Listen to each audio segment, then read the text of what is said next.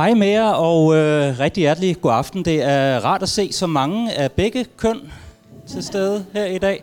En god mulighed for at blive gift ved første blik, kan jeg se med det samme her. Så øh, ja. Men øh, velkommen her til Biblioteket Frederiksberg. Vi har jo øh, tre kendte, ikke ansigter måske, men stemmer med os her. Og øh, det kan være, at I lige skal præsentere jer selv. Ja, det vil vi gerne. Øhm, mit navn er Mathilde Anhøj. I gamle dage havde vi jo titler, vi sagde bagefter, men øh, det tror jeg, vi springer over i aften. Ja. Jeg hedder Katrine Wismann. Og jeg hedder Tue Venter. Ja. Tak fordi I vil komme alle Ja. sammen. Ja. Det er så skønt nu.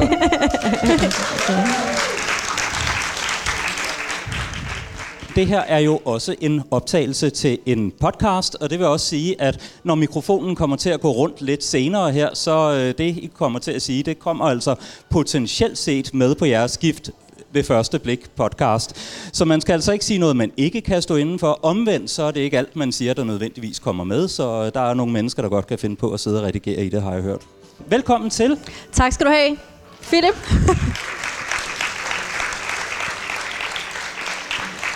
Og øh, det kan være, at jeg lige skal overtage med det praktiske, øh, og lige sådan sætte rammen, at øh, vi skal selvfølgelig snakke om gift for første blik, og der har været nogle spørgsmål til, jamen taler I så om afsnittet, der først bliver sendt på torsdag? Og det gør vi selvfølgelig ikke, øh, fordi så bliver det rigtig sure.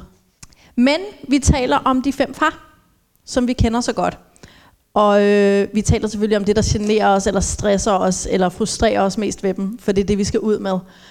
Og mens vi taler, så er I velkommen til at bidrage, for det der, det der er særligt ved i aften, at normalt er det sådan, at vi snakker færdigt, og så, jeg ved ikke om det er jer, der er her i aften, men så er der en masse, der siger en masse på Facebook og på Instagram, og det er jo super skønt, men vi vil super gerne høre fra jer nu også. Så hvis der er et eller andet, vi siger, eller I har et spørgsmål eller en kommentar, så bare ræk en hånd i vejret, og så prøver vi at beholde et overblik og øh, få Anne-Marie ned med en mikrofon til jer, til det, I har at sige. Også under parerne, tænker jeg. Ja, og I må endelig kolde jer tilbage. Nej, det må jeg altså ikke. øhm, men tak også til Frederiksberg Bibliotek for at øhm, invitere os til det her kæmpe kærlighedstema, øh, de har. Det er jo sådan, at øh, vi mener, og det tænker jeg, I heller ikke er helt uenige i, men at gift ved første blik er en af de helt store, moderne kærlighedsfortællinger øh, i vores tid. Det er jo sådan med de traditionelle kærlighedsfortællinger, eventyr og sådan noget, der er det jo meget, det er en meget fast struktur, der starter med øh, et møde, hvor at parret bliver forelsket, og så handler det hele ligesom om, hvordan kommer vi frem til ægteskabet. Og man skal overvinde alle de her ydre forhindringer, hvor at om mor og far sådan billiger ikke ægteskabet, eller der er en krig, eller stridende familier, eller store afstande, sygdom, alle mulige ting, der kan komme i vejen for det forelskede par, så de ikke bliver gift. Og den ender så lykkeligt, hvis de når frem til ægteskabet. Og det er jo vendt helt på hovedet i gift ved første blik. Der starter vi med ægteskabet, og så handler det i stedet for om, om det gifte par kan kæmpe sig frem til forelskelsen. Så i stedet for, at vi har det her med at følge det forelskede par, for at se, om de kan blive gift og leve lykkeligt til deres dages ende, så følger vi det gifte par, for at se, om de kan blive forelskede og leve lykkeligt til deres dages ende. Men det er ikke den eneste forskel. Der er også det ved gift ved første blik, at i stedet for at øh, have ydre forhindringer, som det, der ligesom skal øh, sætte spænding og sådan, øh, gøre, at vi er bekymrede for, om vi nu kan nå i mål med det her. Der er de, hvor vi normalt har ydre forhindringer, så har vi i gift ved første blik et mega fokus på, at i moderne tider, der er det altså ikke mor og far eller krig eller et eller andet, der adskiller os. Det er indre forhindringer. Det er sådan mærkelige personlighedstyper og stort temperament eller dårlig kommunikation, eller en er for indadvendt, og en anden er for ivrig, og nogen går for hurtigt frem, andre går for langsomt frem. Det er alle mulige mønstre og følelser og adfærd, vi har med os, og vi har inde i os, og som den anden har med sig inde i os. Det er de ting, og mødet mellem de ting, som kan forhindre, at vi når i mål. Og målet er altså ikke det her sådan gammeldags og det uopnåelige ægteskab. Det er ikke svært at blive gift for moderne mennesker, men det er faktisk svært at møde en kæreste, og ægte blive forelsket, og få kærligheden til at være ved. Og det er jo det, selvom der er jo ikke så mange, der er gift for første blik, så det vi alle sammen kan genkende er det her med, når alle de her indre forhindringer går ind og spænder ben for kærligheden. Det er det, der gør gift ved første blik, selvom det er ret aparte program, gør det så genkendeligt og relevant for os alle sammen, tror jeg. Ja. Hvad hedder det? Øhm, ja, og øh, så kunne jeg godt tænke mig at tale lidt om, hvorfor vi overhovedet har lavet den her podcast, fordi øhm, og hvorfor vi overhovedet er her i dag, øhm, og hvorfor vi egentlig har sådan et fællesskab om at tale om gift ved første blik. Øhm, og noget, jeg i hvert fald har oplevet, inden at vi lavede den her podcast, var det her med, at øhm, det er noget, som rigtig mange taler om øh, på arbejdspladsen, med deres venner, med deres partnere. Det fylder, når man har set afsnit om aftenen, så går man på arbejde dagen efter, og så snakker man om, hvad fuck skete der med Anders og Luna i går? og så, så, øh, så, så, er den, så er den ligesom i gang, og alle har en mening. Der er ikke nogen, der ikke har en mening, når de har set et afsnit af Gift ved første blik. Og sådan havde vi det jo også. Øhm, så det var ligesom vores motivation, øhm, og ligesom prøve at lave et, et ekstra rum, hvor at man kan tale om gift ved første blik, øhm, og ligesom få luft for alle de her frustrationer, som vi, de fleste af os sidder tilbage med, når vi har set et afsnit. Øhm, og så vores, kan man sige, motivation i, i det her projekt handler også rigtig meget om, at vi møder nogle mennesker i, uanset hvad for en sæson det er, så møder vi nogle mennesker, som vi øh, ikke kan forstå. Øh, og så prøver vi ligesom at tale med hinanden om, jamen, hvad er det, der motiverer dem? Hvorfor, hvorfor gør, hvorfor gør øh, Frederik ikke noget? Hvorfor siger han ikke noget? Hvad sker der med Anders? øh, og, og ligesom prøver at menneskeliggøre dem. Altså at prøve at ligesom tage alle synspunkter øh, ind og diskutere dem og finde ud af, om vi kan blive en lille bit smule klogere, både på folk, øh, på dem og på os selv og på vores venner og familiemedlemmer. Og nogle gange tror jeg faktisk, at vi kan komme en lille bit smule tættere på at forstå nogle mennesker, som vi ellers ikke ville øh, have kunne forstå. Øhm, ja, så i dag handler det jo ligesom om, at vi gerne vil invitere jer med ind i det her rum, som vi har lavet, hvor vi, hvor vi diskuterer, øhm, og hvor man gerne må have nogle følelser og nogle holdninger. Øhm, så det håber vi rigtig meget, Men I har ikke lyst komme til. med trusler. Ikke nogen trusler om øh, godteposer, eller Noget som helst andet. nej. Men ellers er alt tilladt. Man må godt være frustreret, Ja. men man må også godt være hjertevarm. ja. Meget gerne. Ja. Ja. Øh, ja, Tue, vil du Ja. sige lidt om øh, sæsonens par? Det vil jeg mega gerne. Er det ikke mit cue til at... Jo, Yes. der har vi dem. Tada. kan du se dem nu? Mathilde har Ja. lavet en flot powerpoint. Har I set, vi matcher med powerpointen? Ah! Rappe har. ja, men altså, I kender dem jo sikkert godt, ikke? Vi har mig og Frederik lægger vi ud med den her udadvendte talepædagog, der går utrolig meget op i kropssprog. Uh, hun er blevet matchet med introverte Frederik, der ikke rigtig siger så meget med ord, til gengæld en masse akavethed med kroppen. um, på papiret faktisk et meget godt match, troede man først, og så skete vir- virkeligheden. Det en skulle være så måde. godt. Ja. Ja. Ja. Og så har vi så, ja, søde Klenriette, har vi døbt dem nu efterhånden. Det kører for dem, det her pragt eksempel på, at øh, kedeligt fjernsyn giver et godt parforhold. Øh, ja, altså ham her mobbeofferet, der nu er kommet over på den anden side, og er totalt klar til at slå sig ned og udleve drømmen om far, mor, børn og Henriette, der ligesom er blevet konen i det. Den drøm. Den her storbypige fra Silkeborg, ja. elsker yoga og er kreativ og cafélivet, og hun sover meget lidt. Det er lidt et problem, men altså, ja. udover De har det, også udfordringer. det har de. Det Ja. har de. Ja, Indre igen søvn. ja. Mm. Luna Anders, den spralske pædagog. Som vi kender dem bedst Ja. ja. i omfavnelse. Ja, Ja. præcis. I deres følelsesvold. Ja. Hun elsker rød, blandt Ja. andet. Og hun har altså nogle ting med i øh, bagagen, der gør, at hun ikke rigtig stoler på sig selv og sit udseende, og øh, søgte bare en mand, der vil acceptere hende, som hun var. Enter Anders. Ja. Ja, det er det totalt traditionelle, modne eksplosion, som bare virkelig heller ikke har skuffet igen i år, må man sige. Ja, men så til gengæld er sådan et lidt nyt par i gift ved første blik sammenhængen. På en eller anden måde. Sådan Paradise-parret. Kender Barbie på ecstasy i, øh, i Spanien, ikke? Ja, de lever i en Disney-verden, og de elsker hinanden lige indtil, at det hele det ikke er så Disney-agtigt mere, og hverdagen rammer, og øh, ja, så må vi se, hvad der sker herfra, ikke? og så sidst, men ikke mindst, lidt nede på jorden igen, den her eks-overvægtige Dennis, øhm, der aldrig har haft en kæreste før, møder ultra søde og ultra ordentlige Anja, som elsker mountainbike og har en have i Tilst, og det kører. Og de er så virkelig pragteksemplet på, at de altså lige børn, de leger virkelig bedst. Og den simple og lette relation, den er at finde i en øh, propfyldt kalender med aktiviteter. Ja.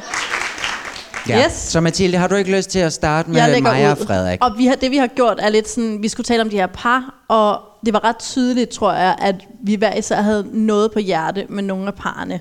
Øhm, så derfor lægger vi ud med at sige noget om dem, vi har noget at sige om. øh, som Tue sagde, talepædagogen, der blev fikset op med manden, der ikke kan tale. Altså, det er jo matematik. Det kan kun gå godt. Og selvfølgelig gør det ikke det. Og det er jo til at blive... Altså, det her har jo faktisk øh, været en stor belastning for mit eget parforhold. fordi jeg raser over det, og jeg forstår ikke, at Frederik ikke tager ansvar, han er egoistisk, og jeg er kommet med nogle ret hårde anklager, faktisk. Ja. Tror jeg, nogen synes imod Stakkels Frederik, som bare er lidt indadvendt.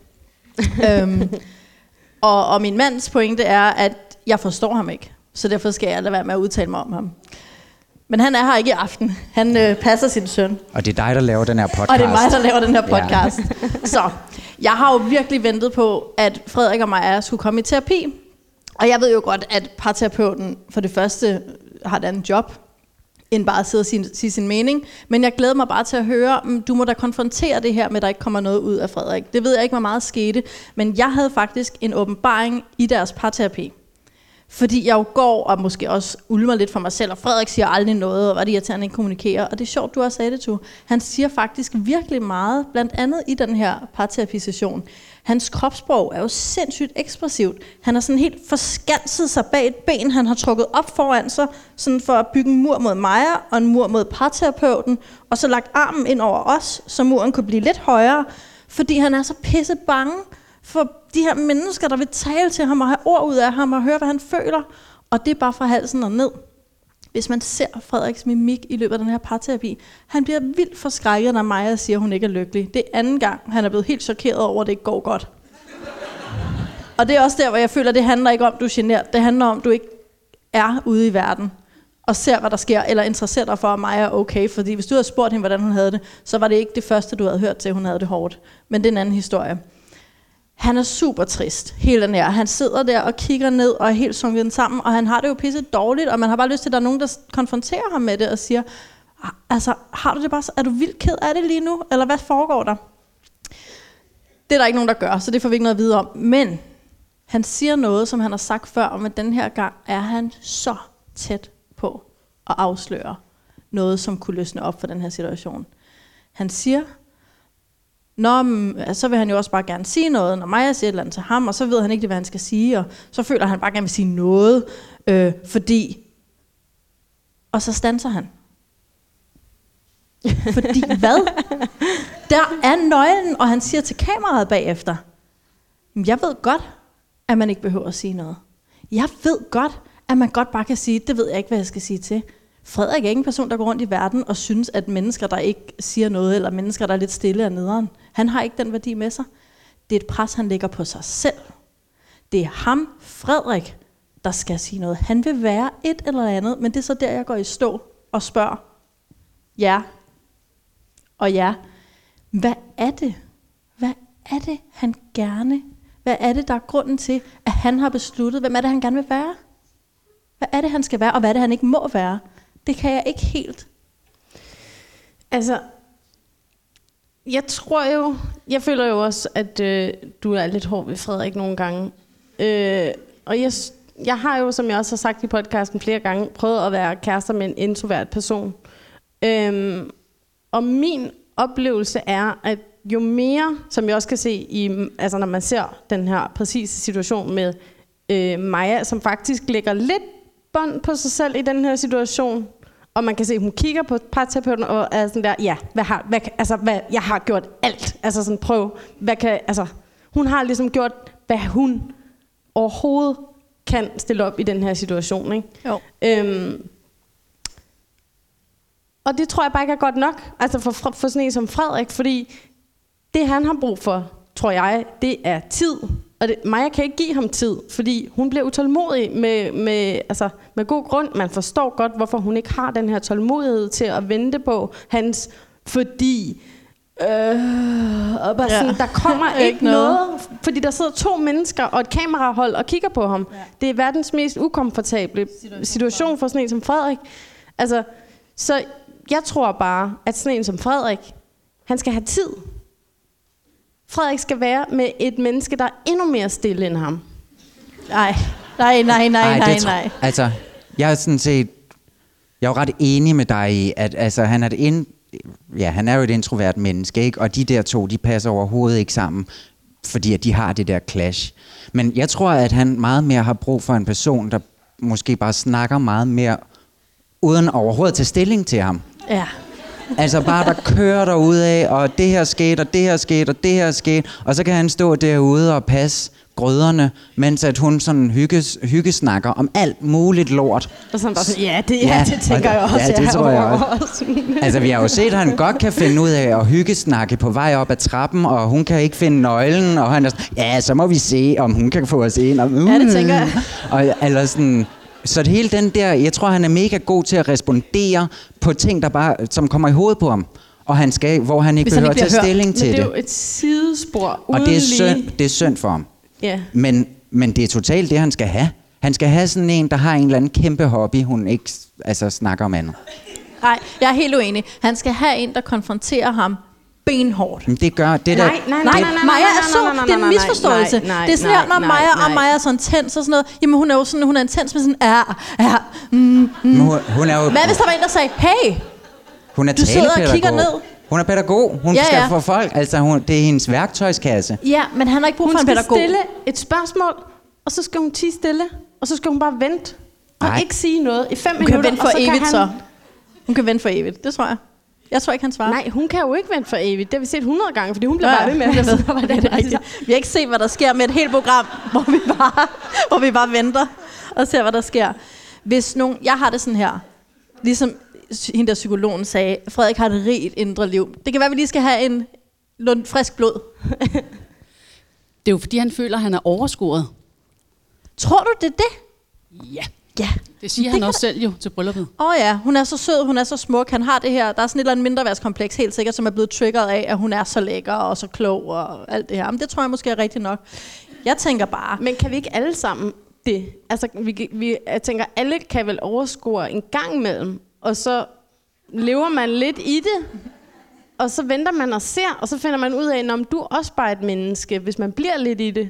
Ja. Altså, så der er jo ligesom en eller anden sådan tid, der er nødt til at gå. Altså, man kan jo ikke blive ved med at være forblændet af sin kæreste, eller sin Hvis man mand sætter sig selv hustru. så langt nede, så kan man måske blive ved med at være forblændet, fordi man sådan bliver ved med at trække sig selv ned. Jeg tror, at problemet med Frederik er, at han censurerer et helt menneske til fordel for at skulle spille en persona som typen, der svarer på ting.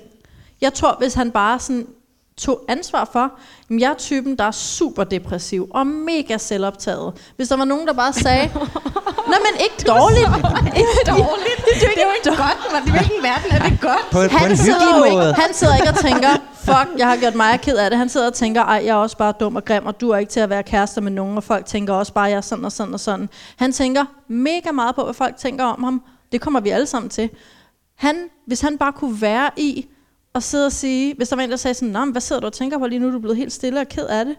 Nå, men det er bare fordi, at øh, du ved, altså jeg vil bare gerne være sej og lækker, og jeg troede, jeg kan godt lide at digte. Jeg, er en, sådan, jeg tror, han er lidt kunstnerisk. Jeg tror, han godt kan lide at lave en fortælling om, det går godt.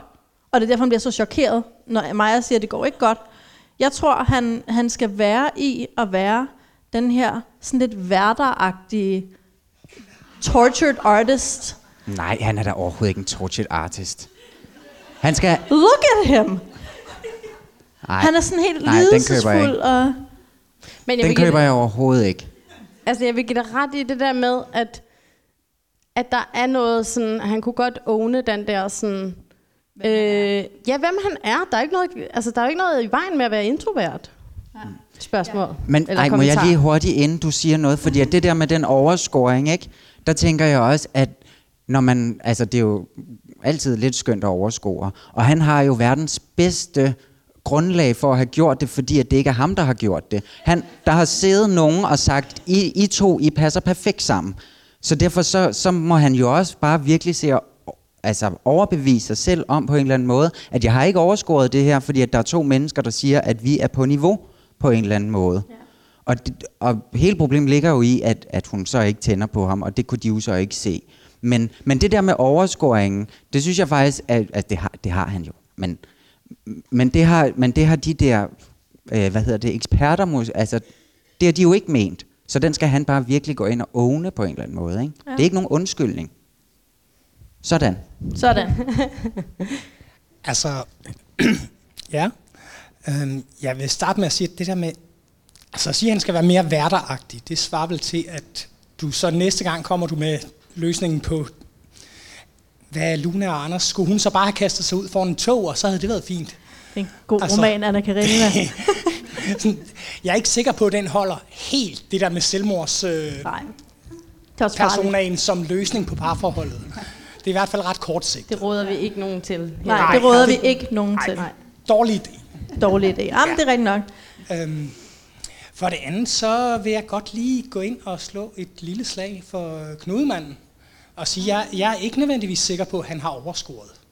Jeg mener, Maja er dejlig og sød, det er slet ikke det, men når alt kommer til alt, herregud, hun, hun er bare en ganske almindelig talepædagog. Øhm, det, altså, det er jo ikke sådan, at han pludselig er blevet sat op med Helena Christensen eller en eller anden gudinde.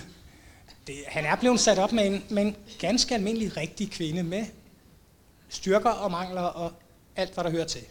Præcis som det skal være, men, men det er jo ikke, jeg synes ikke, det sådan er en overscoring på den måde, fordi han har da også sine fortrin. Jamen, jeg vil også sige... Han er pisse sig i et køkken med sin sous vide og det hele, Ja. og han har forresten præcis samme sous vide, som jeg har. Er det rigtigt? Så jeg vil godt lige sige, han er øh, mega nice. Frederik herovre.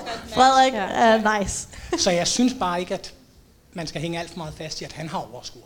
Vi startede faktisk også med at sige i et af de første afsnit, hvor vi så dem, at de lignede sådan et par, man godt kunne møde på gaden. Altså sådan, jeg synes, når man kigger på dem, så tænker man, Ja. det ligner bare et par. Altså, Ja. ja. der er ikke noget... Det er ikke sådan, at man tænker, wow. Luna Anders, what? Ja. Hvad laver I to sammen? Ja. Nej, præcis. Øh, Jeg tror også, overscoringen består meget i, øh, i hvert fald i mit hoved, i at i hans selvnedvurdering gør, at uanset hvem han var blevet sat sammen med, så han følte det som en overscoring, tror jeg. Men ja, Altså, øh, jeg, jeg tror, vi, vi var nogen, der talte om det til frokost i dag. Altså, jeg tror simpelthen ikke, han er rask endnu. Jeg tror simpelthen, han stadig er syg. Og det, det er det, der, der gør, at han er så super hæmmet. Og fordi hun egentlig også er, altså hun kommer virkelig hårdt til ham fra starten. Altså under bordet til brylluppet, siger hun, er det okay, jeg kysser dig? Og han er sådan helt, ja. Øh, det synes jeg virkelig var en voldsom, det var nærmest et lille overgreb, der skete under bordet, synes jeg. Og, øh, og så synes jeg også, at, at man kan se på ham, at han kan simpelthen ikke styre sin mimik. Nej. Der sker et eller andet i hans ansigt, når han er presset. Som om han har sådan en sur sok hængende foran ansigtet, der bare lugter dårligt hele tiden. Han ligner en, når han er presset, hvor tingene bare lugter, puh, hvor det lugter dårligt. Altså, det er og hvis så- han satte ord på det, så vil han jo være et spændende menneske. Der sker jo nogle ting. Ja. Tror du ikke? Men, men det er rigtigt. Men jeg tror simpelthen ikke, han er rask. Han er, han er usammenhængende. Han, han stammer, og han, han har- hakker lidt i det, og har svært ved at, at sige, hvad han mener egentlig. Og det, ja. det, det er derfor, jeg synes, det er måske lidt synd og en kat i en sæk, der foregår her på en eller anden måde. Altså for mig as synsvinkel. Ja. Ja, jeg vil bare sige, at jeg, jeg er virkelig enig med dig. Vi har også diskuteret det, altså om han overhovedet er klar til det her eksperiment, og det, det tror jeg altså heller ikke, han var. Det vil jeg sige. Jeg er enig i. Det var Anders til gengæld. Ja, han var så klar. Jeg tror altså også bare, at sådan, hun, hun burde jo have sagt fra. Det er jo totalt unaturligt. Hun bliver ved med at være så glad. Hvorfor flipper hun ikke ud og siger, jeg gider ikke finde mig i, du ikke siger noget til mig? Det er altså, det er talepædagog. Hun er pædagog. Ja, det er også rigtigt. Ja. Sådan snakker Men der mangler noget vrede i det her par. Jeg men tror. det, men det, altså fordi, igen, som jeg også, som jeg stadigvæk virkelig mener, at da vi mødte den første gang, og de, øh, og man kigger på dem og så videre, så tænker man, det her, det fungerer ud af. I ligner hinanden, I er på niveau, synes jeg, I, altså sådan, Og jeg kan godt, man kan jo godt forstå det, som eksperterne har tænkt med, at den ekstroverte og den introverte ligesom kan udligne hinanden til at hjælpe hinanden på niveauer. Og det mener jeg faktisk virkelig, at de har gjort. Jeg tror, at ja, vi har jo sagt det før, jeg tror virkelig, at de to mennesker, vi kan godt blive enige om, de skal ikke være sammen, men jeg tror, at de lærer helt vildt meget af hinanden til deres næste parforhold, som de helt sikkert får, fordi at de er begge to vidunderlige mennesker, der har sat gode annoncer ud på, hvor skønne de er, ikke? Ja. Ud til hele Danmark. Så på den måde, så er det jo et, et tror du- større kærligheds... Hvad øh, tror du, Frederik kommer til at gøre anderledes en anden gang? Fordi som jeg ser det, så har han ingen muligheder. Jamen han kommer til han, Hov. han kommer han kommer til han kommer til at møde en som kommer hjem til ham og, og snakker og snakker og, snakker, og hende der Maja, fuck, hun over altså hun hun overfaldede dig jo fuldstændig, og selvfølgelig kunne du ikke være i det, og bla bla bla, og så kan han sidde og sige, ja, ja, ja, ja. Ja, det tænker jeg også. Det tænker Ja, jeg også. det Det, det, det, det, også. det, Ja, det det, det, tænker vi gør. Ja, ja. Og så kører det. Altså, jeg tror, jeg tror at virkelig, at han sådan også får en eller anden form for sådan, jamen, øh, gud, jeg sagde jo ikke noget. Jeg var totalt overvældet. Jeg tror, jeg tror, at han får noget med, hvor han kan se sig selv udefra. I hvert fald, når han så ser programmet nu. Det må vil vi jeg sige. håbe. Okay, synkront. Det må vi håbe. Det må vi håbe. Ja, godt. Men det kan være, vi skal videre. Ja, jeg tror, vi bliver nødt til det. Henriette. Ja. Der er de. Ja, Henry. ja. Der er de jo. Der er det, efter min mening, bare det mest øh, suveræne par i den her sæson. Ikke? Det kører for dem, og jeg genså lige deres første møde i går faktisk, og det, altså det kører. Det er så smooth. De rører ved hinanden på den perfekte måde, de er afslappede, og jamen, det er så roligt og, Og rart at høflige. være i, og høfligt samtykket, ikke at forglemme. Altså, alt var virkelig Stort. perfekt. Og så Claus i hans tale, ikke, altså den, de der taler, de er jo altid sådan lidt åndssvage, men han kører sådan et eventyrtema ind over det, og han var en lille dreng, og han havde det ikke så nemt og så videre. Og det, han er virkelig det her mobbeoffer, der hænger lidt fast i, at nu er han kommet over på den anden side, og det er ligesom det, han sådan definerer sig selv ud fra, synes jeg. Mm. Ikke at han er blevet mobbet, men det der med, at jeg overkom det. Og så nu kan jeg det hele. Og han er totalt i gang med at bygge sin rede op, uden den egentlig har et indhold, før Henriette er kommet ind i hans liv. Og, og det, er jo, altså, det kunne på en eller anden måde have været hvem som helst. Men det jeg bare stresser over, den ene ting, jeg stresser over i det her par, for det er ud, altså det kører. Men den, den, den ting, jeg stresser over, det er alle de der ting, som han har sat op, og alle hans drømme, han efterhånden sådan har gået i den lange single tilværelse, han har været i længe, og bare bygget på, bygget på, og der skal også være et walk-in closet, og herover skal der være et øh, dejligt øh, bed. Og, altså, og hvornår får Henriette ligesom lov til at komme ind og sige, at det der, det skal jeg slet ikke. Jeg, jeg, øh, jeg skal have fire hunde, og vi skal bo i en øh, taglejlighed i Riga, eller, eller et skønt sted. Altså, jeg tror bare, at hvis der kommer noget, der vælter hans store idé om hans øh, liv, så tror jeg, han får svært ved at kapere det. Ja, og er Og han det gør mig så. Henriette? Eller i øh, projekt Claus for en kone? Er han forelsket i konen? Ja, i Claus for en kone. Ja. ikke? ja. Og jeg- bliver gift i den her kirke og går ned på den her strand. Jeg tror altså, han er forelsket i Henriette. Det tror jeg på. Jeg tror faktisk ikke det på det. Men jeg, jeg, altså, i starten jeg er godt med på, der skulle bare være en kone, der kunne putte sit tøj ind i det der walk-in closet. Ja. Empty walk-in closet syndrome. Men så kommer Henriette, og er faktisk et super nice menneske, som godt forstår hans dårlige humor. Altså, og synes, at det er sådan lidt cute, at han har for nogle gange for noget i øjet, og det er sådan lidt.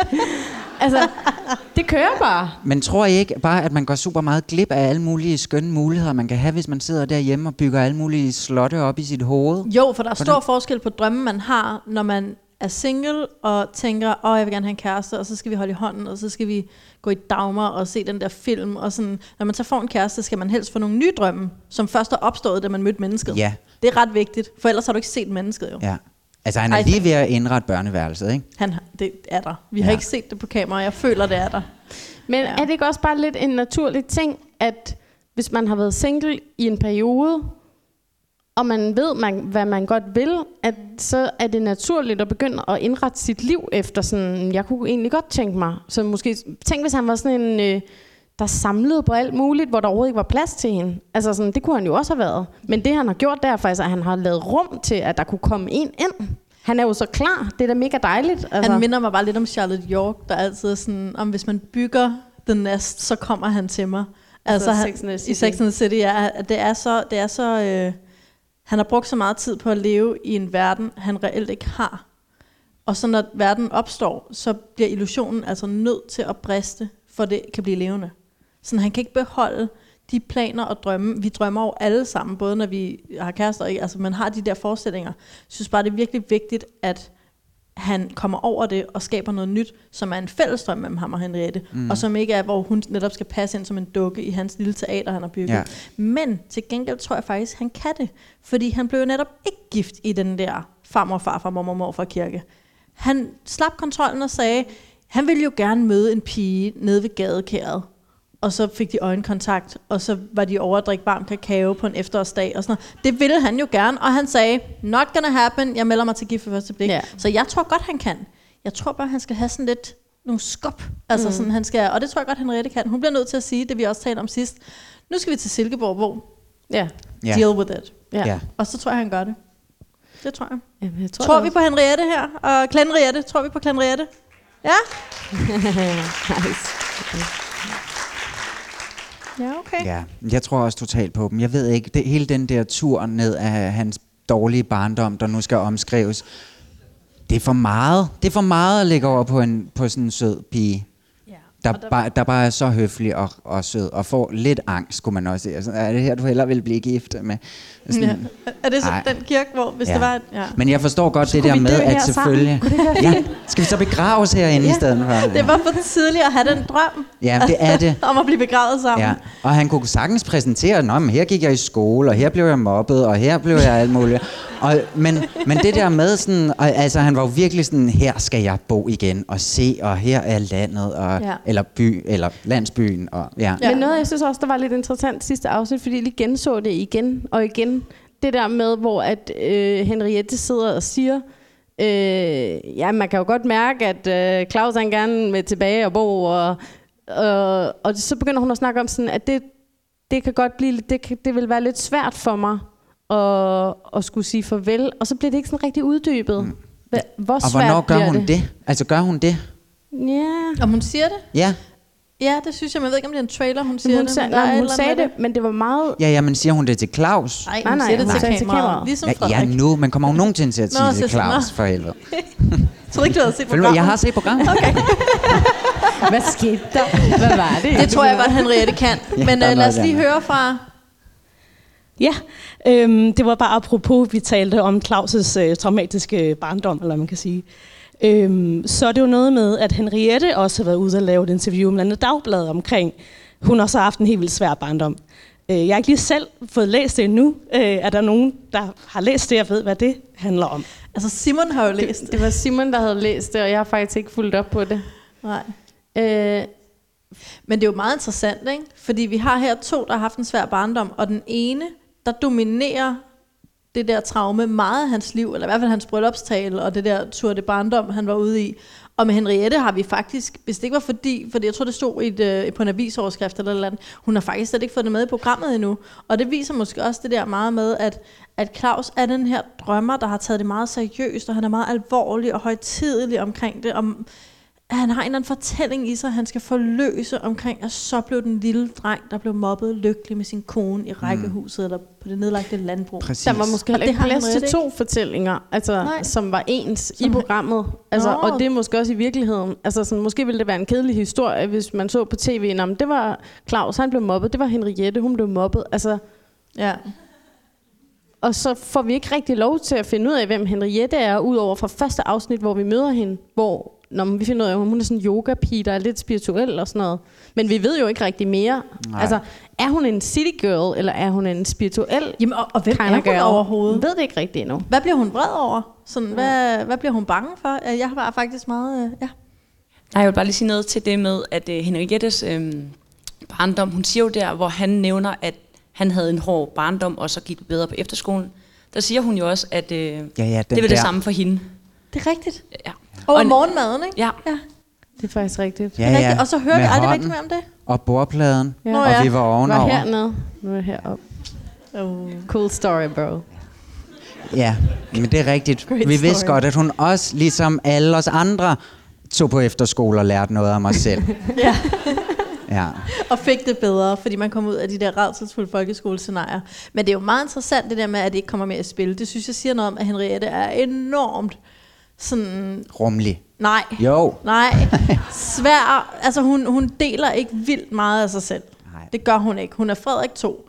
Altså sådan, hun, hun er Ah. god til at smalltalke, og hun er, hun er ikke akavet, men hun er ikke, altså sådan... Ej, det er sjovt, du siger det, fordi der var en gang, hvor der var en pige, der sådan tog min skoletaske og pissede på den, og jeg ville bare slå hende ihjel. Eller, altså hun fortæller jo ikke noget mørkt om sig selv. Det er meget yoga og café og min Men, det gør, ligger men Claus der. fortæller jo heller ikke noget mørkt om sig selv. Han, han, Han, han viser det med sit alvor og sin sådan, højtidelighed og sådan noget. Han er ikke inde og sådan åbne op til det, men jeg føler, han prøver.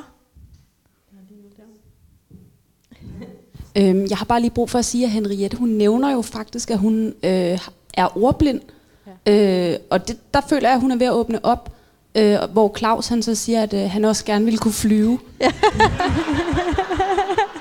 Det er rigtigt, og der kommer der jo noget sådan sensitivitet ind i det parforhold, at hun faktisk lige åbner. Ej, det afsnit kunne have været så godt, hvis Claus ikke havde været sådan, mm, ja, ja, nej, jeg vil gerne kunne flyve. Ja. Shit, man. What? Men jeg og, synes, og det var, det grinte Henriette jo også, at hun var sådan... Øh, øh, altså, men, seriøst, var det... men hun griner som i, hvad er der er galt med dig? Ja, ja, ja, præcis. voksne Og hun mennesker. troede først, det var for sjov. Sådan, "Nå, nej, nej. Du, øh, Undskyld. ja. Nå, nå, det vil du gerne, Ja, ja. okay. ja. Okay. hvorfor det? At være fri og... Øh. Ja. Ej, men hun er virkelig... Man må sige, hun er virkelig god i alle de der situationer.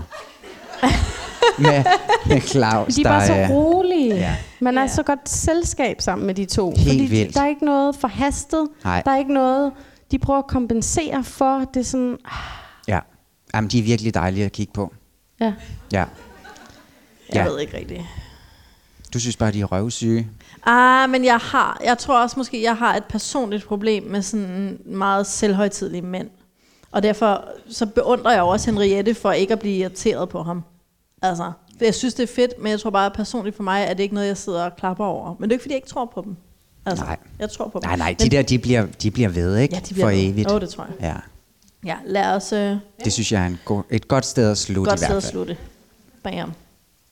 Så skal vi videre til øh, Anders og Luna. Og alle de andre. og alle de andre. Ja. Nej, nej, nej.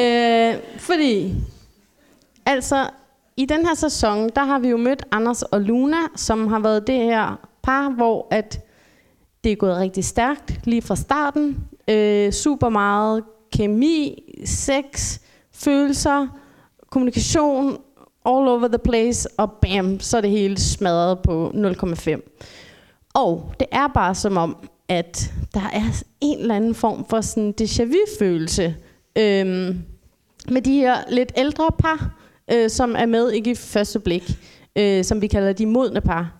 Øhm, og egentlig så føler jeg, at vi har snakket ret meget sådan om Luna og Anders og hele det her skift, der er sket, og jeg er ret sikker på, at vi alle sammen har sådan ret stor medfølelse med Luna. Sådan, hvad fuck skete der?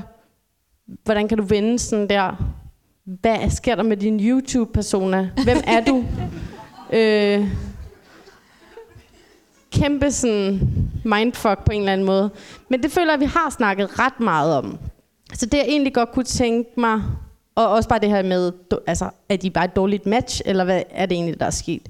Men øhm, det, som jeg godt kunne tænke mig at tale om med Anders og Luna, er, at de jo faktisk er nummer fire modne par i rækken i Gift for første blik, som er nødt til at melde sig ud af eksperimentet, inden det er slut. Øhm, og det kan godt være, at vi lige skal have et nyt slide. Øhm, hvor vi kan se her alle de modne par, som på en eller anden måde ikke klarede den. Øh, og noget af det, som jeg har set gå igen øh, med de modne par, øh, som jeg faktisk vil våge at kalde de umodne par, det er, at de er ældre, så på en eller anden måde skulle man tro, at de havde noget mere livserfaring, som gjorde, at de var mere klare i mailet omkring, når jeg vil gerne have sådan en her type, og mine grænser går her, og jeg kommunikerer på den her måde, så jeg vil gerne have, at min partner kommunikerer sådan her, og jeg går efter en, der ser sådan her ud. Men det vi oplever er bare, at de gang på gang øh, boller for hurtigt. Øh, first of all.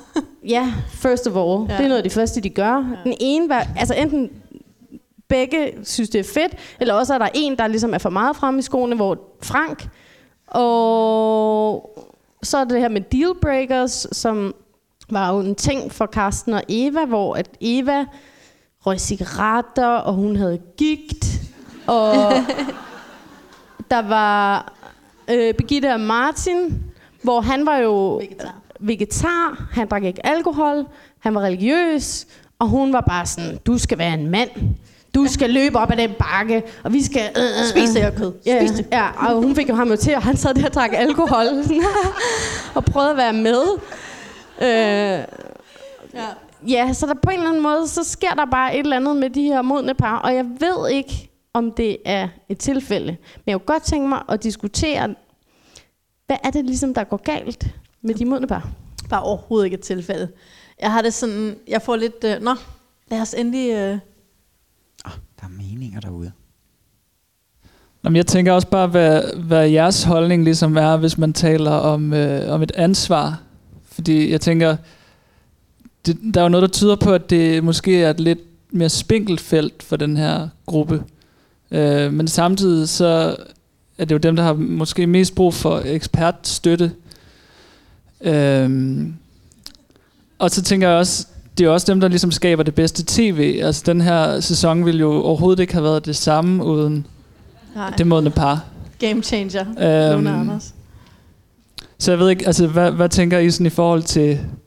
Altså om programmet de, og eksperterne ligesom tager ansvar for det, de sætter i gang? Ja, altså sådan de mere etiske øh, komplikationer oh, ja. måske.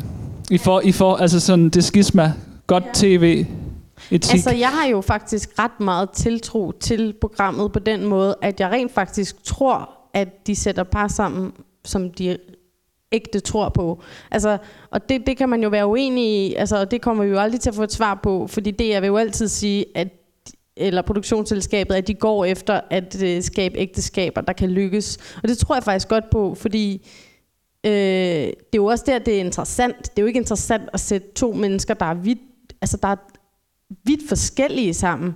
Jeg tror, at mange af dem her på en eller anden måde er et godt match på papiret. Og så er der måske noget med, hvilke typer, der melder sig altså i den modne kategori til sådan en type program som Gift for første blik, og måske er der ikke så mange. Og jeg synes, hvis man kigger på dem, er de jo alle sammen ret lækre. Så det er også som om, at der er sådan der er et eller andet med, at øh, uh, man, altså sådan, de, de har sådan et eller andet øh, seksuelt over sig. Altså, det er som om, de er meget mere seksuelle, de modne par, end de ja. er yngre. Det er rigtigt nok. Men jeg tror faktisk, i forhold til det der med ansvar, at øh, der måske ligger et problem i, at når jeg tror også, altså jeg tror grundlæggende vildt meget på eksperterne og på Danmarks Radio og sådan vores allesammens tv sådan fællesskab, velfærdsstatens tv-kanal. Øhm, jeg tror på det, men jeg tænker måske, noget af det, vi har jo talt om med Luna og Anders, det er, at de, de her par ser jo hinanden. De har jo set hinandens billeder og siddet og tjekket, hvor meget vil du knalde med hende her, ham her, fra 0 til 10. Ikke? Anders har jo siddet og sagt 10 om Luna, eller et eller andet deroppe af i hvert fald, ikke? siden han er blevet valgt. Jeg tror måske, et af problemerne er, og det med dealbreakers med Carsten og Eva, jeg tror ikke, at de modne føler sig lige så autoritetstro til at svare ærligt på de spørgsmål, som de unge gør. Men jeg hvorfor? Tror, de har jo et helt liv de sådan er, erfaring. Fordi voksne, jo mere voksen du bliver, jo ældre du bliver, jo mere er du ligeglad med en eller anden fucking 30-årig ekspert, der sidder og stiller dig et spørgsmål. Det skal han ikke bestemme, det skal hun ikke bestemme. Det er ligesom i supermarkedet, når folk sådan bare sådan snyder i køen, når der bliver åbnet en ny kasse. Ikke? Det er altså ikke altid teenagerne. Der er også en anden kategori der. Yes. Ja, altså, ja, nu hører jeg jo til, hvis jeg var med i det der, ikke? så var jeg jo en af de modne par. Ikke? øhm, og noget af det, jeg faktisk øh, undrer mig over, for jeg synes, det er meget rigtigt set, at, øh, at, at der er noget autoritetstro, som, som er sluppet her. Det synes jeg, du er meget ret i, Mathilde. Men jeg tror altså også, at når jeg hører veninder, der ikke har haft kærester i lang tid, og man siger, hey, kommer, jeg siger til hende, vil du ikke med øh, til noget middag, vi ikke får nogle venner på besøg, hvem kommer? Jamen, det gør de og de, og det er sådan noget parmiddag. Orker simpelthen ikke de der parmiddag. Mm. Jeg, jeg er single, jeg gider sgu da ikke gå til parmiddag. Så man er allerede sådan lidt vred på forhånd. Sådan en lille smule irriteret på forhånd, fordi nu har man bare været single i 10 år, og man har måske nogle børn, der er blevet store og sådan noget. Så der er som om, der er sådan lidt noget, øhm, Gider ikke ja. noget raseri noget. på forhånd, Ja. der, øh, der, der sidder lige ind under huden, når, når sådan nogle mennesker mødes. Det tror jeg faktisk. Altså, jeg kan ikke genkende det der, men, men jeg, jeg tror, der, der kan ligge noget af det i det. Ja. Altså, at man, at man er så spændt op. Sådan kampklar. Ja, Men kan og, der øh, ikke du også har ligge- snitterne Ja. fremme. Sex, skændes. Ja, skal du bare har- være- Men kan der ikke også godt ligge noget i det, at selvom de er modne par, at så har de jo aldrig prøvet det her før, men de har prøvet alt det her med at skændes og have sex og, og køre et parforhold. Så de går bare ind i det med 180 i timen, ikke? Og hvor det så går op for dem, nå, gud, jamen, det, Det den her ikke. relation har jeg faktisk aldrig prøvet før. Der har jeg ikke så meget træk på, uden at jeg kan trække mig i hvert fald. Mm. Altså det tænker jeg også, at, at må have noget med det at gøre på en eller anden måde, fordi at det må også være en ny situation for dem, ikke? Og de kommer ind der og ved, hvad de vil have, og hvad de skal tage, og altså sådan... Men der var faktisk, fordi vi havde talt om det i podcasten på et tidspunkt, øhm, jeg ved ikke hvem, måske var det os alle sammen, der talte om, at der kunne være sådan en vis sådan ufølsomhed, når man kom op i alderen omkring sex, at man var lidt mere ligeglad med sådan, "Nå, det betyder ikke så meget, det er bare noget, vi Det gør, gør. man og så ser vi, hvad der sker, og så lige pludselig eksploderer det i hvert fald i gift ved første blik, hvor vi fik sådan en besked fra en lytter, som var meget sådan, nu skal I høre her, sådan er det altså ikke. Sex betyder sygt meget, når man er øh, 40-50. Og Han var havde- 65, han var 65 og han havde spillet det for nogle kollegaer på sin arbejdsplads, den der sekvens fra podcasten, og de havde alle sammen siddet og rystet på hovedet og været sådan, Sex betyder så sex meget for betyder os. sygt meget. Hvad, Ja. ja. hvad tænker de på? Så det er også på en eller anden måde, er det også lidt en grå, altså et felt, hvor vi er sådan lidt på udebane Ja. i podcasten. ja, det tror jeg rigtigt.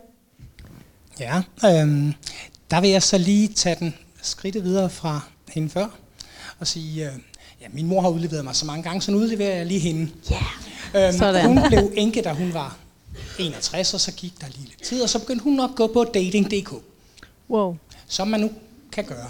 Øhm, og øh, hun mødte nogle forskellige fyre, sådan i løbet af tre måneder, så havde hun så mødt en eller anden gut, som hun så på anden date vælger at tage tandbørsten med til, og øh, går hjem med ham og knaller, og det ene og det andet.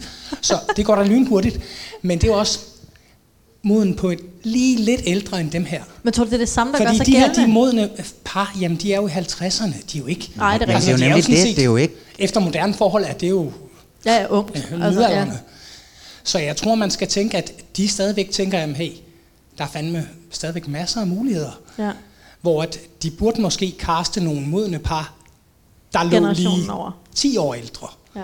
Fordi de tænker, hey, nu, altså hvis jeg skal nå at have Jamen, det 20 er år Hvad jo- er med det, det du er tænker med skal jeg den nå det her nu. generation, der ikke så... Hvorfor kan de ikke? Jamen, jeg tror måske, at de er, er fanget midt imellem, og stadigvæk er i gang med lige at komme, komme væk fra alle deres børn og så videre. Hvor at hvis man er i 60'erne, jamen, så er børnene for længst Det er en mere sikker fase. Så er man sådan ligesom, så er man måske bare klar til at sige, Måske man også okay, blød nu igen." gør jeg det her.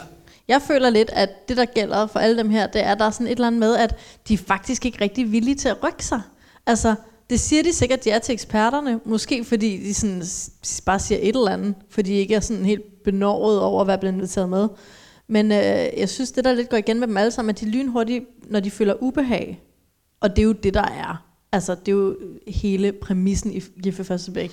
Du møder en, og så føler du ubehag i seks uger. Og der tror jeg, at mange af dem her, de sådan lidt, nu føler ubehag. Det gider jeg faktisk ikke finde mig i. Jeg tror også, der er et element af, de gider ikke noget pis. Altså, de har levet livet, de gider ikke finde sig i noget som helst. Og så er der måske også noget omkring, at for unge mennesker at melde sig til et program for, for, som gift for første blik, det er ikke så crazy en ting. Måske, at man også skal være lidt vildere type, hvis man er over 50, for at melde sig til det der. Så måske der også er sådan en statistisk... Altså så øh, posen med dem, der Ja, posen sådan med dem. melder sig til de er lidt vilde. Blik. Altså, de ja. er sådan lidt... Øh, på forskellige måder. ja, på måske. forskellige måder. Ja. Ja. Det kunne i hvert fald være dejligt at se et helt stille og roligt. Se nogen, der rent faktisk yng- rykkede sig sådan Ja. ja. skridt for skridt. Og ikke bare sådan ned i afgrunden. Ja. Nej, Ja. et andet sted hen. Ja, men skal vi ikke... Øh, Med mindre der er nogen... er der nogen, der brænder ind med noget om de parentes umodne par? Nej, jeg tør godt.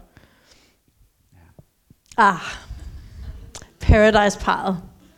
Ja, øh, jeg er jo helt vild med øh, Michael og Christina. Jeg synes, det er skønt, at vi har fået nogle øh, sådan Viasat-typer over på DR. Det er dem, der er penge i. Jeg er bare lidt ærgerlig over, at vi ikke har fået det der natkamera øh, i deres soveværelse.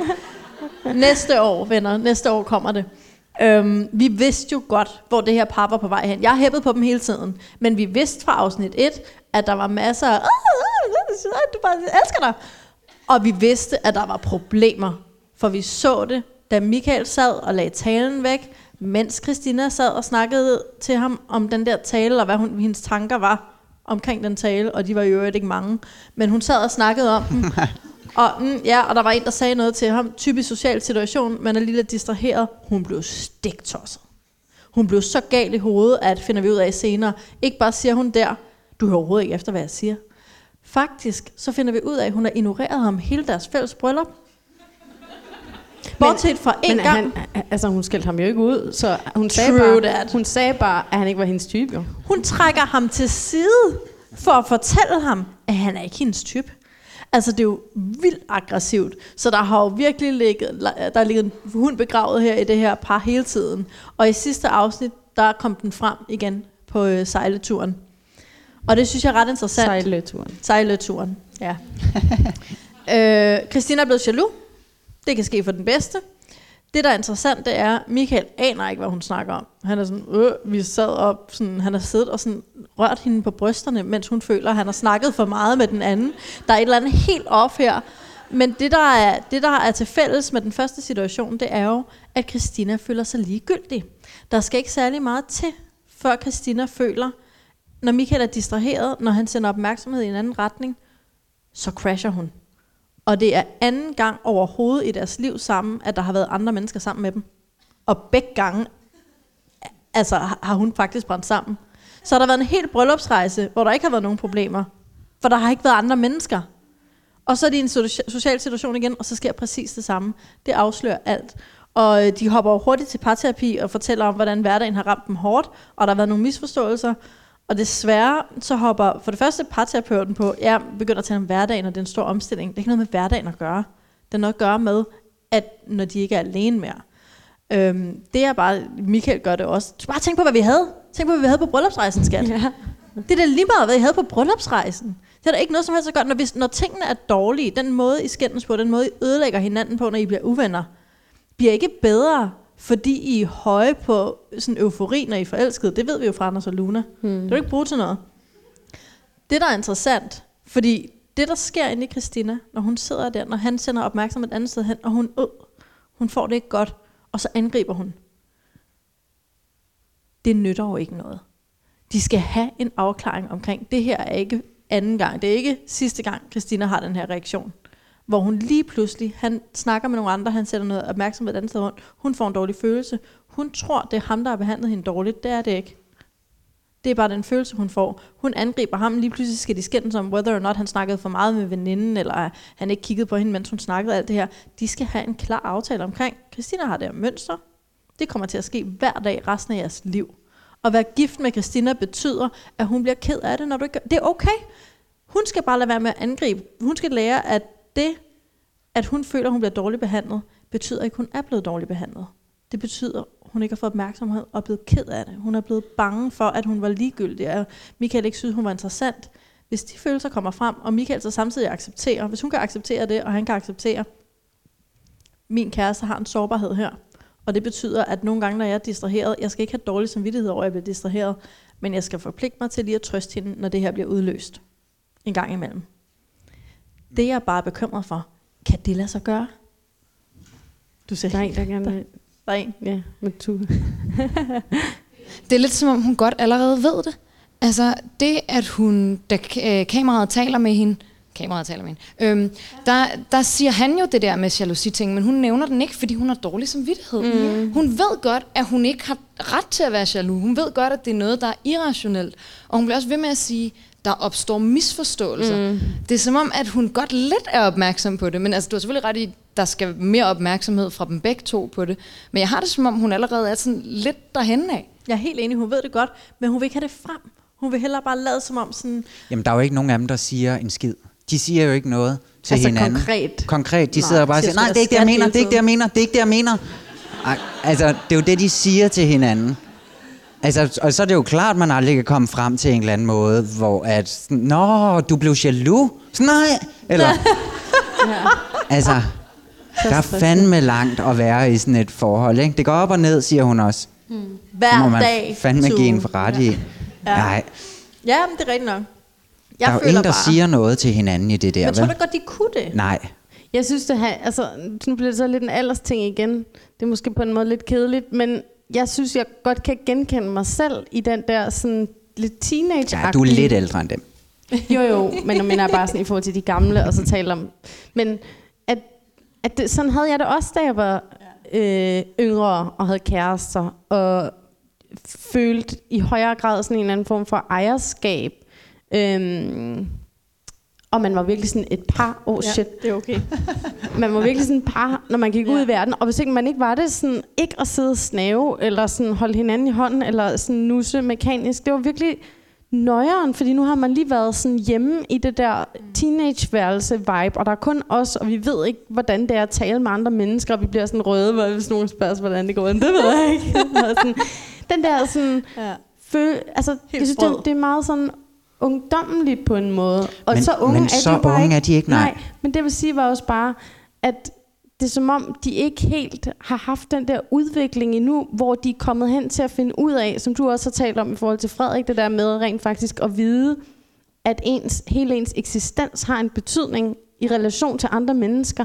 At de, at jeg har sådan en oplevelse af, at de forstår ikke deres roller. Christina forstår ikke, at hun sender noget ud, som giver en reaktion hos Michael. Og det samme med Michael. De forstår ikke, at, der, at de må tage ansvar for hver deres del af det. Altså som også du siger det der med, sådan, at de bare taler på hinanden. Altså sådan, de taler ikke med hinanden, hvor det sådan... Der synes jeg bare lidt en aldersting, det der med at forstå, når man kommer med en bagage, og jeg har vane for at gøre sådan og sådan, og Jamen, når hele du det siger der- sådan, så føler jeg agtig. Hele den der... Jeg tager den hjem, ikke? Ja, For det er jo det, præcis. de aldrig gør. Der er aldrig nogen af Michael og Christina, der tager den hjem. Men det er jo det, der også bliver så, så godt og lækkert, når de er forelskede. Det er fordi, ej, jeg er forelsket, fordi du er så skøn. Nej, du er forelsket, fordi du godt kan lide Det at være forelsket. Det er så fedt. Det er da så fedt. Det er så fedt. Det er så fedt. At det, det, er sådan, det er hele tiden over på den anden. Det, jeg føler nu, må jeg føle, fordi du er sådan, og du har gjort sådan. Det er jo fedt, når man er glad. For så er det sådan, ej, hvor er du skøn, for du har gjort mig så glad. Men når jeg så er sur, så er det sådan, fuck dig, du har gjort mig så sur. Og det er lidt det, der sker også. Altså nu hvor vi vender bøtten, og det lige pludselig er negativt, tror jeg. Ja. Men under alle omstændigheder, så tænker jeg bare, at vi har nogle udfordringer i forhold til, for dem, de kommer ingen vej. Jeg, jeg tror jo på dem, men de kommer ingen vejene, før de laver den der erkendelse af, hvad er det, jeg har med, som ikke er den andens skyld. Altså det der med at forstå, at Christina har en refleksfølelse her. Hun føler sig ligegyldig per automatik. Der skal så lidt til ude i verden, før det her bliver udløst, at hun skal forstå, at det, det er ikke Michaels skyld. Men er det ikke også, altså jeg kan godt se den der ligegyldighed, men er det ikke også lidt et dramagen for at vende tilbage til sådan, altså Paradise. på Men du Paradise? sagde også, hun dramatiserede dengang med brylluppet, ikke? Hvor hun blev angst inden brylluppet. Var det ikke dig, der sagde det? Øh, Jo. Men det tror jeg også er lidt, du, det du var inde på, det der med sådan, at hun ved det godt, altså sådan, og det er sådan lidt lige meget, eller sådan, ja, yeah, det kører op og ned. La- hørte I, at hun også whatever. sagde, jeg ved ikke, om jeg kan stole på dig 100%? Ja. Det sagde hun til Michael. Det er jo bare sådan en brugte frase hele vejen gennem Paradise Hotel. Ja, ja, ja. Den har hun bare samlet op der. ja. Hun stoler Så ikke på ham, om han stiller sig hos hende til parceremonien. Nej, præcis. Det må vi bare Ved ikke, sige. jeg stoler på ham 100%. Jeg ved bare ikke, om de kan. Det, der også bekymrer mig hos Michael, og det konfronterer Christina faktisk. Hun siger, prøv lige at være mere dig selv, end at blive ved med at sige, nu tror jeg på det, nu tror jeg ikke på det, nu tror jeg på det, nu tror jeg ikke på det. Hvad med dig selv? Han bliver ved med at sige, som han også siger i første afsnit, sådan, Nå, men du klarer det rigtig godt, for du skal overhovedet ikke ud, og det er bare lige meget, det er overstået, det skænderi er overstået. Det er ikke skid overstået. Det der skænderi will never be overstået. Men hun giver heller ikke lov til, at det er overstået, fordi jeg tror godt, at Michael også var sådan, øh. Og så hvis nu hun bare så vil lukke, Men der tror jeg, hun er den ned. kloge. Der tror jeg, hun er den kloge. Hun, jo, hun er bare ikke helt jo, klog nok. Hun er klog i den forstand, at hun siger, det her er vi ikke færdige med. Det her går ingen steder. Så må hun da sige løsning. noget. Ja. Vi har en... Øh, ej, jeg synes, øh, jeg synes, hun er... Hvis hun lige går skridtet til at sige, at det her er ikke overstået, men vi skal have hjælp til det. Og hvis parterapeuten så sagde noget andet, end nu skal I vende jer til hverdagen, så vil det være rigtig rart for alle. Øh, jeg tror, jeg, eller jeg tænker, hun også gør en lidt farlig ting ved, at hun, sådan, hun gør de her ting for hans skyld, da det var bryllupsrejsen, tager til den der Ferrari sted, og ligesom er meget entusiastisk omkring hans ting. Og det er uopfordret. Det er ligesom ikke, fordi han forventer det af hende, eller kræver det af hende. Det gør hun bare. Men for at blive vældigt, tænker jeg, eller sådan, for ja. at han skal kunne lide hende rigtig meget. Og når han så skuffer hende lidt, eller ligesom på en eller anden måde ikke viser det samme sådan top engagement, så bliver hun sk- skuffet og reagerer hårdt. Mm. Hvilket måske ikke rigtig er at klandre ham for, men måske er hende, der sådan Ja. Giver så meget af sig selv. For tid. og derfor så er det ligesom så også svært at gengælde på en eller anden måde, eller bliver så også nemmere skuffet. Ja, det tror jeg, du har ret i også, fordi så skal man også præstere hele tiden. Rigtig meget, ikke? Altså, hvis man hele tiden skal være sådan på 100% entusiasme for hinanden, det er der jo ikke nogen, der kan. Ved jeg fra mit eget bare for. Jeg, sy- jeg synes, det er mega interessant pointe. Fordi Christinas problem er jo, at hun ikke rigtig føler sig set, og hun ikke føler sig vigtig. Men mens de havde det godt på bryllupsrejsen, der blev hun jo heller ikke, der tog hun ikke scenen jo.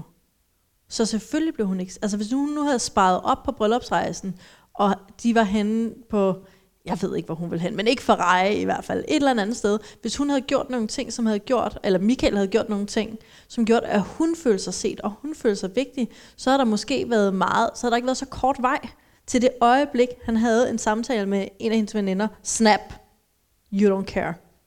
Det tror jeg er så rigtigt. Hmm, og blev jeg klogere på mit yndlingspar. ja, men jeg ved ikke, om øh, der er flere kommentarer til Michael og Christina. Var der noget? Dernede? Nej, den forsvandt. Jamen, øh, Ja. skal vi øh, rykke videre? Vi skal ned i gear nu. Det sidste par. Det er da meget dejligt. Det er da bare meget dejligt. Ja. Ja. Dennis og Anja. Mus og mus. Mus og mus. Ja.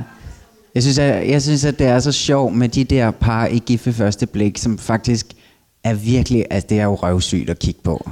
Altså det kan man bare sige. Men jeg, men jeg synes også, der er et eller andet dødsens imponerende over, at de altid får det til at fungere på den her helt mellow, low key, som om der bare ikke er en følelse i rummet måde. Hvor de bare føler sig trygge og, og hygger sig. Jeg forstår ikke, hvordan, hvordan er det her... Hvordan virker det? Nej, jeg forstår det virkelig heller ikke. Men samtidig så misunder jeg det altså også en lille smule. Det der med bare at have sådan et, et altså have et uh, parforhold, hvor at, at man er tryg, og hvor der ikke er de der sådan det store udladninger. Det er for crazy. Jeg tror lidt, vi har sådan en situation, hvor der er ingen af os, der i virkeligheden forstår Det Anja og helt- Dennis, ja. fordi vi er alt for voldsomme og følelsesladede til at egentlig at kunne spejle os i dem. Så ja. vi er lidt blanke. Hvad siger du? Øh, jeg kunne bare godt tænke mig at- spørge om noget, fordi at da vi ligesom fik introduceret Dennis, der øh, kom vi ligesom med på hans rejse omkring hele det her vægttab og hele den her proces, og det virker som om, at han ligesom har dannet sig et helt nyt liv, men vi har ikke rigtig hørt om det siden, og jeg kan godt nogle gange få en fornemmelse af, at der er meget mere Dennis, som vi slet ikke ser, og som han slet ikke giver udtryk for, og selvom jeg ikke sådan på den måde har noget konkret eksempel, så kan jeg godt få en følelse af, at Dennis ikke altid har det helt vildt godt. Øhm, tror I, vi kommer til at høre mere om den proces, og hvis ikke, hvorfor skulle vi så høre den til at starte med? Det er virkelig et godt spørgsmål. Godt spørgsmål. Jeg tror ikke, vi hører en skid mere om den proces. Fordi jeg kan godt købe den der med, at... Øh, eller jeg kan jo godt se sådan lidt, at... Også fordi at han selv har sagt det, at han har gennemgået denne her øh, store rejse indeni, ikke? Og udenpå. Tabt en masse kilo, og det er jo mega flot og plantebaseret og alt det der. Men jeg tror bare ikke, at... Jeg tror virkelig ikke, at... Jeg kan ikke se, i hvilken situation, at de to de skulle åbne op for den snak. Fordi jeg ikke ser nogen som helst Men fanden skulle spørge? følelser. Hvem, af de to ja. skulle, hvem af de to skulle starte den samtale? Sådan ude på en Hvorfor- forhindringsbane. Hvor, spiste du meget? Hvorfor blev du ty? Eller sådan bare anything. Sådan, Ja, og det, og det virker, jeg synes også, det virker lidt som om, at Anja, altså hun er, hun er sådan ligeglad. Vi hygger os. Jeg har da ikke brug for at få Men den det er det, der historie. generer mig ved dem. Interesserer de her to mennesker sig for hinanden? Ja, de gør Se det, på De gør det bare i en meget langsommere proces, end nogen af os forstår. Der, de har ikke brug for det der drama. Men de er jo også totalt... Men de er ja, og, og fedt for dem jo, kan man sige, ikke? På mange måder. Men de er jo totalt et verdens bedste eksempel på, at det her eksperiment også godt kan fungere ud fra hensigten. Fordi at det skal jo ligesom ikke være kærligheden, der fører hele værket afsted i stor kærlighed, men den skal bare vokse stille og stille og stille og stille og roligt. Ikke? Mm. Stille, Til, stille, og så finder de sammen og har, har en hård snak om otte år, Men kan når de skal mig- flytte. Kan I give eller mig et eller andet. fra hinanden, eller? Nej, nej, til et nyt hjem. Hvor der måske kunne være plads til et barn, men... Øh, Det skal vi ikke snakke om endnu. Nej. Den Det tager vi om den syv tager år. vi senere. Ja. Yes. Opfører de sig ikke i virkeligheden, som vi gerne vil have de gamle par opfører sig? Yes. Jo, præcis. Det er faktisk, altså, de er jo så modne, som man kan være som mennesker i forhold til at være øh, respektfulde og vide, hvad de gerne vil have, og vide, hvem de er. Jeg kan godt lide planlægning. Ikke så meget plan- planlægning, men lidt jeg kan godt lide lidt. Og jeg kan godt lide at spise på den her måde, og jeg lytter, når den anden taler, og så sidder jeg og venter, til du er færdig med at tale. Og altså sådan helt den der meget respektfulde, meget rolige ting, som man på en eller anden måde har en forventning om, at ældre par, ældre mennesker er lidt tættere på, fordi Det har de lært, vi ja. tror, når vi er unge, så vi lærer nok en dag eller et eller andet, ikke? Det, du har så ret i det der, synes jeg. Virkelig. Jeg synes også bare, at der er noget for et godt gammeldags skænderi. Really? Shocker. at jeg har det sådan lidt, man lærer fandme noget af at skændes. Vi er jo ved at finde ud af, om øh, Michael og Christina kommer til at lære noget af de her skænderier. For et skænderi er data.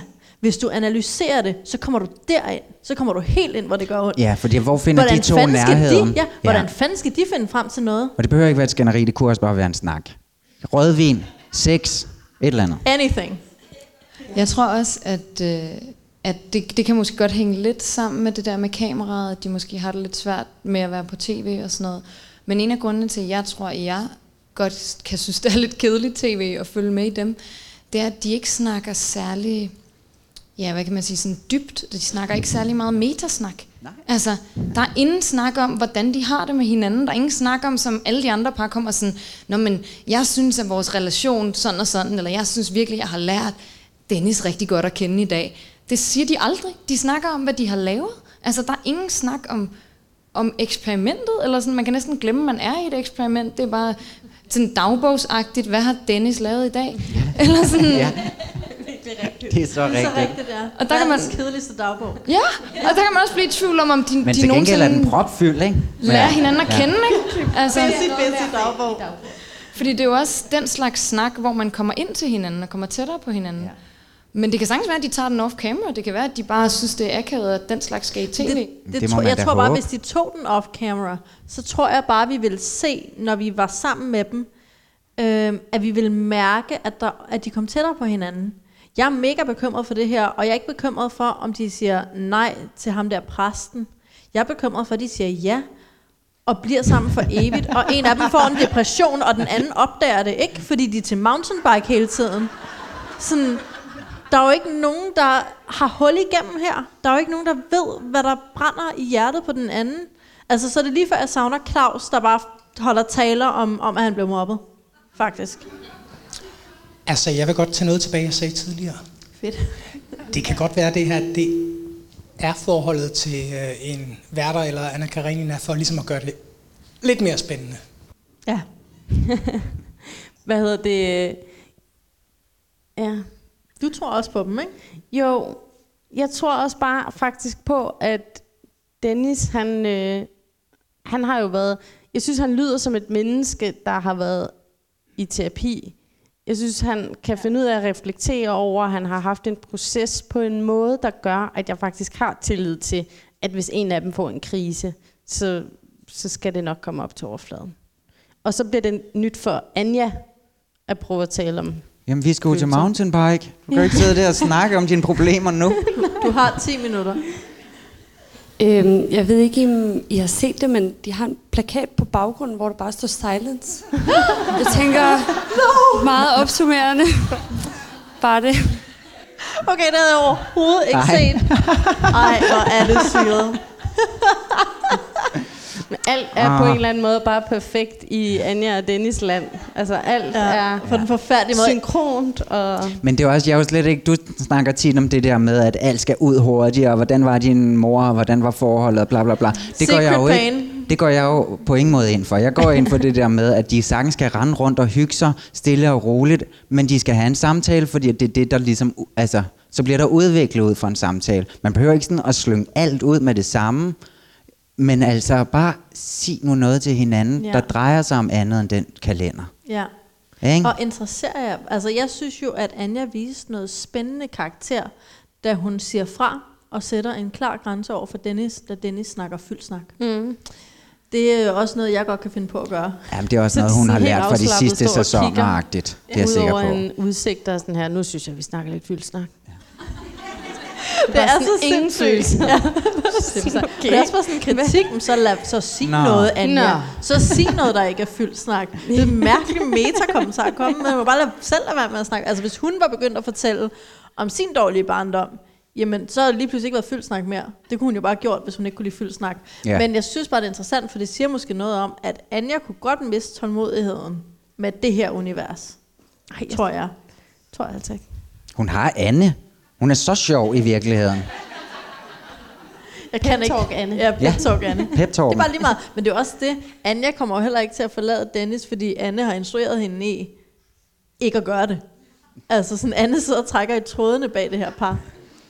Og siger, du må ikke passe på med det førstehåndsindtryk, og bare fordi det er kedeligt, eller bare fordi I sådan... Men Ej, der men... er altså lidt sådan en tryghed over dem, som sådan minder lidt om et eller andet pligtægteskab, Ja. ja. eller fornugtægteskab i 1800-tallet, hvor sådan, jamen, vi skal jo være sammen, fordi at vi skal være to i marken, agtigt, eller sådan et eller andet, hvor at, at, at der skal, være, altså, der skal være en praktisk grund til, at vi er sammen. Det skal ikke være sådan en tosomhed. Vi skal bare være to mennesker, der er sammen, som kan ordne ting. Ja. Ikke? Ja, ja. Og så er det nærmest lige meget, hvem det er, men det, det passede godt med den nabokone. Og det, bliver, eller- det kan blive et ulykkeligt ægteskab, hvis der ikke sker noget, og de bare sådan stille og triste sammen. Og Men det kan også blive meget, meget trygt. Det er jo så trygheden. det er trygt, men det kan også blive et godt ægteskab, hvis de får en krise, der binder dem sammen. du bare er den fucking krise. Ja. Jamen, Høsten man har brug for kriser. Ja. Kriser er det, kærligheden bliver Hvad nu, langtidsholdbar hvis de ikke har haft en dårlig barndom? Hvad nu, hvis det Jamen, det kan være, hvad hvis de vil have børn, og så Alle kan de en ikke få dårlig børn? barndom et eller andet ja, sted. præcis. Et eller andet. I den danske Har folkeskole skal nok vise sig frem på et eller andet tidspunkt. Prøv lige at høre, det her par, hvis de nu ikke kan få børn, eller hvis en af dem mister en tæt ven, eller hvis der kommer noget død ind i det her univers på en eller anden måde, så tror jeg, at de vil åbne sig op og knytte sig til hinanden og mærke noget meningsfyldt. Men som det er lige der, hvor det handler om mountainbike og øh, spilaften med vennerne, det er bare ægte stof, som ægte kærlighed er gjort Det er så af. hyggeligt. Jeg kan Ja. ikke. Jeg kan ikke. Jeg ved ikke, om vi nogensinde bliver enige om det. Jeg tror jo på dem. Jeg er bare bange for, at de ender sammen og bliver ulykkelige. Fordi ingen af dem har nok sådan power og lidenskab til at slå op. Så det bliver sådan lidt slags, når vi tog bare det. Sådan, det, det er sådan anti, det, de giver ikke samtykke, men ja. Jeg tror faktisk, det er i næste afsnit, fordi vi har ikke set det endnu. Det der oh, ja. klip, som DR bliver ved med at vise i teaseren for programmet, hvor han siger sådan, jeg er rigtig træt, jeg er fysisk træt, jeg er mentalt træt. Det glæder jeg mig så Det meget glæder til jeg at mig se. til. Se, endnu, vi har ikke fået nogen kontekst på, hvad det handler om. Nej, Hvis det er det bliver så mountainbike, så spændende. dør jeg. Ja. Det var en lang tur ja. i skoven. Og vi var, og bagefter, så spillede vi badminton. Ja. Okay. Så træt. Men han siger, at han er jo næsten ved at græde, ikke? Jeg er Ja. så træt. Ja. Det bliver faktisk lidt spændende. Det bliver, bliver faktisk så lidt spændende. spændende. Uh, Vi må jeg vente og se. til at se det. Ja. Nå, ja. øhm, er der nogle sidste ting, vi skal nå at diskutere? Er der nogen, der har noget på hjerte? Åh, oh, der var en hurtig hånd. Jeg vil bare sige, jeg synes, at øhm, altså min opfattelse af Anja og Dennis, det er egentlig, at de begge to har ben nok i næsen til at slå op med hinanden, hvis det var. Øh, og det er egentlig fordi, at altså Dennis han øh, brokker sig over, for eksempel, at Anja skal planlægge så meget. Og det siger han helt ud, det kan han simpelthen ikke være med. Altså sådan kan han ikke gøre det. Øh, og jeg synes, det er meget tydeligt, at Dennis ikke bare ligesom og heller ikke Anja egentlig, men der er ikke nogen af dem, der sådan bøjer ind for den anden. Nej, det er Det, synes jeg nok. sådan set er meget tydeligt. Så jeg, jeg, Men vil det næsten ikke være bedre, end det bare hele er bare sådan lige nært? Lige ud. Men Fordi det er de det jo begge ikke, siger de fra, siger de fra. siger jo faktisk fra, hun vil ikke have fyldt snak, han gider ikke for meget planlægning. De siger jo fra over Det for er hinanden. sådan, nå okay, jamen så... Der er ikke så meget reaktion på måske grænsesætningerne.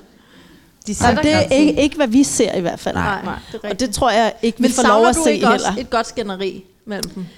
Øh, nej, jeg, Hånden på nej, jeg tror, det er for tidligt. Nå. Det er alt for tidligt med et godt skænderi for de to, fordi det, det går så, altså de er sådan nogle, øh, det går i snegletempo for dem. Ja, det gør jeg Jeg er virkelig. selv sådan en snegletempo-person, så, så jeg ved, det er for Du kan tidligt. relatere ja. til sneglet. Ja, Ja, men jeg har i okay. hvert fald fuld tillid til, at de begge to kan sige fra i det her forhold. Ja. Jeg er enig. Men det, det tror jeg faktisk måske godt kan være. Ja. Det vil jeg faktisk gerne medgive jer. Ja. Var der nogle andre? Jeg føler, jeg har set nogle ting nogle gange, og så er de forsvundet igen. Jeg vil bare sige, at jeg er helt enig, øh, og jeg tror, de har alt det, som vi savnede ved det modne par. Den der sådan, øh, villighed til at øh, ja, give det noget tid. Og det med, at de ikke tager de store diskussioner, det tror jeg er i virkeligheden det, der gør, at de har jo kendt hinanden i meget, meget kort tid på det her tidspunkt. Og det er måske også voldsomt at tage en stor diskussion der, bare for at tage den. Øhm, og den eneste måde, hvis det ikke skal blive helt fløde på, og man skal sidde og sige, ej, jeg er bare så glad for, at jeg mødte dig, og vi er helt rigtige for hinanden. Det ved de jo ikke. De har kendt hinanden i to uger. Øh, så handler det måske i virkeligheden bare om at lave nogle ting sammen, og være til stede, og ikke de store konflikter, Ja. selvom at det er kedeligt fjernsyn. Men Ja. er de til stede? De Det minder er det. mig bare lidt om, øhm, sådan som jeg havde det med Vanessa i sidste sæson, og hvor vi grinede lidt af Stefans spørgsmål. Og de fungerede jo øvrigt ikke rigtigt, men der er noget fedt ved, at når der er nogle meget gave mennesker, der trives rigtig meget i bare at følge hverdagen og gøre det, man skal, og så laver man sport, og så spiser man sundt og sådan noget. Hvorfor er der ikke nogen, der drikker så sindssygt fulde, eller jeg, næsten, jeg, jeg vil næsten have en af dem har en affære, bare fordi de kommer tættere på hinanden. fordi sådan noget at snakke om. Der bliver nødt til at være nogen, der synder. Det her, det her er protestantisk pligtetik. Og det kommer ikke, altså det, kærlighed kan ikke trives, hvis der ikke er nogen, der har en eller anden form for udlevelse. Nej, men det kan tryghed. Drifter. Ikke? drifter. Det kan tryghed. Kan trives i det der. Ja. Og det kan fandme noget. Ikke? Jo. Ja. I don't know. Ja, nej, jeg ved ikke. Men jeg, vil, jeg er helt enig med dig i, at det er et kæmpe sundhedstegn, hvis man kan finde ud af at forstå, at det ikke er altså sådan... Michael Christina, altså at blive så uvenner med nogen, man ikke kender, er jo vildt ubehageligt. Men Det der er jo heller ikke nogen, der snakker om, at vi gerne vil se et skænderi. Eller jo, du snakker selvfølgelig lidt om, at du gerne vil se et skænderi. Vi vil bare gerne se dem snakke Ja, også det. eller tale. Ja. Nu snakker de bare. Ja. Men Sig, no- sig noget. Ja, sig noget. Ikke mere indhold. fyldsnak. Nej. Ja, præcis. Ja.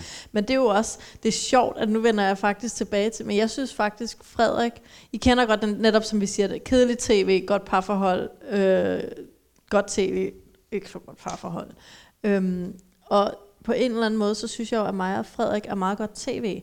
Jeg tror faktisk, det er fordi, at selvom Frederik er blevet sådan landskendt for ikke at sige noget, så siger han fandme meget. Han siger faktisk meget mere end de her to. Altså, der er så store følelser på spil Ja. hos Frederik, at man næsten ikke... Altså, min mand ser jo det gift for første blik med t-shirten op over hovedet. Fordi han kan slet ikke være i det, når det er Frederik og mig, for det er så intenst. Hmm. Og den intensitet er jo faktisk ret spændende, for det betyder, at der sker noget i Frederik. Mm. Der fucking sker noget. Han er sygt deprimeret og sygt angst, og hvad skal han gøre? Og han kan næsten ikke trække vejret, og skal han ringe til guiden? Det kan han ikke få sig selv til. Jeg skriver en sms, hvis guiden ikke svarer, så går jeg ud af projektet, så går jeg ud af programmet. Altså sådan, der er så meget på spil for Ja. Frederik, hvor det her er bare sådan, hmm, Det er virkelig ja. rigtigt. Der er, ikke, der er ikke noget på spil her. Nej, der er ikke Eller noget jo, det er, ja, jo. Nej, vi, har, sagde vi det. behøver ikke diskutere det igen, men Nej, det er er virkelig rigtigt. rigtigt. Jeg er så enig. ja. Men der er tryghed, og det er noget helt andet. Ja, og Ja. ja. det er også, kan også noget. Ja. Ja. Øh, hvor lang tid har vi igen? Vi Tiden er er gået. præcis på minuttet. Nå, så skal jeg ikke folde mig ud. Godt, jeg spurgte. Men vi er også igennem nu jo. Vi nåede er fem igennem. par. Vi nåede vores fem. Vi, var, vi havde dem her til sidst, fordi hvis vi ikke nåede det sidste par. no big deal. Nej.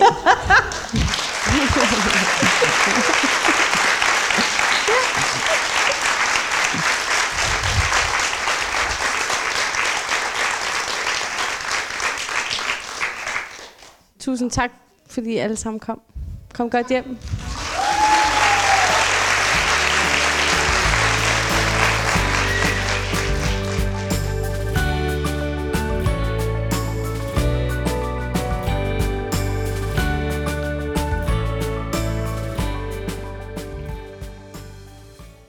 Denne podcast blev produceret af Biblioteket Frederiksberg.